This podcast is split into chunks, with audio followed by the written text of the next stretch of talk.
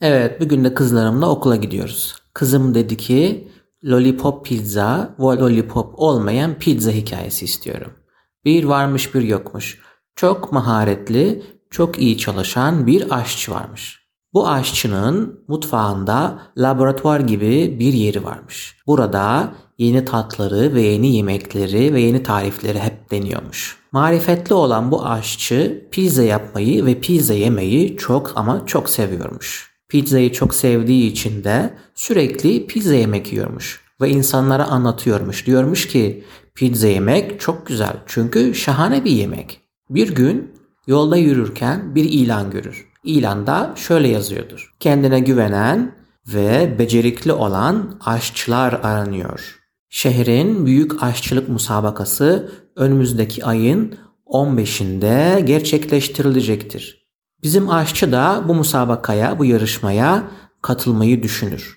Düşünür, düşünür ama der ben bu yarışmaya katılırsam çok orijinal, hiç kimsenin yapmadığı yemekler yapmak zorundayım. Yoksa ben bu yarışmayı kazanamam diye düşünür. Sonra mutfağına gider. Mutfağında gece gündüz çalışır. Yeni tarifler dener ve çok güzel yemekler ortaya çıkarır. Sonra yarışma günü gelir. Yarışma gününde jüri üyeleri bütün yarışmacılara 2 saat süre tanır. Derler ki bu 2 saat içerisinde kazanacağınız en iyi tabağı yapın. En güzel yemeği yapın derler. Bütün aşçılar çok güzel yemek yapar. Çok harika tarifler ve hiç kimsenin görmediği tabaklar sergilerler. Bizim aşçımız da hiç telaşa kapılmadan kendi köşesinde harika bir yemek yapar. Süre bittikten sonra herkesin önünde tabağı vardır. Jüri gelir ve bu tabaklardaki yemekleri tadar. Bazılarını beğenir, bazılarını beğenmez ve bazılarına çok ama çok şaşırır. Özellikle bizim aşçının tabağına yaklaşınca çok şaşırırlar. Bir bakarlar ki tabağın içerisinde 3 tane lollipop var. Bir jüri üyesi lollipopları yer. Oo aman tanrım bu nasıl bir tat, bu nasıl bir kıvam diye şaşırır. Meğerse bizim aşçımız lollipop şeklinde pizza yapmıştır. Jüri üyeleri sorar bizim aşçıya niye böyle bir lollipop şeklinde pizza yaptın diye. Aşçı der ki lollipopu her zaman yanınızda taşıyabilirsiniz. Ama pizza dilimlerini ve pizzayı kutu içinde taşıyamıyorsunuz. Kolay olmuyor. Ben de çok pizza sevdiğim için lollipop şeklinde pizza yaptım. İstediğim zaman çıkarıyorum ham ham ham yiyorum der.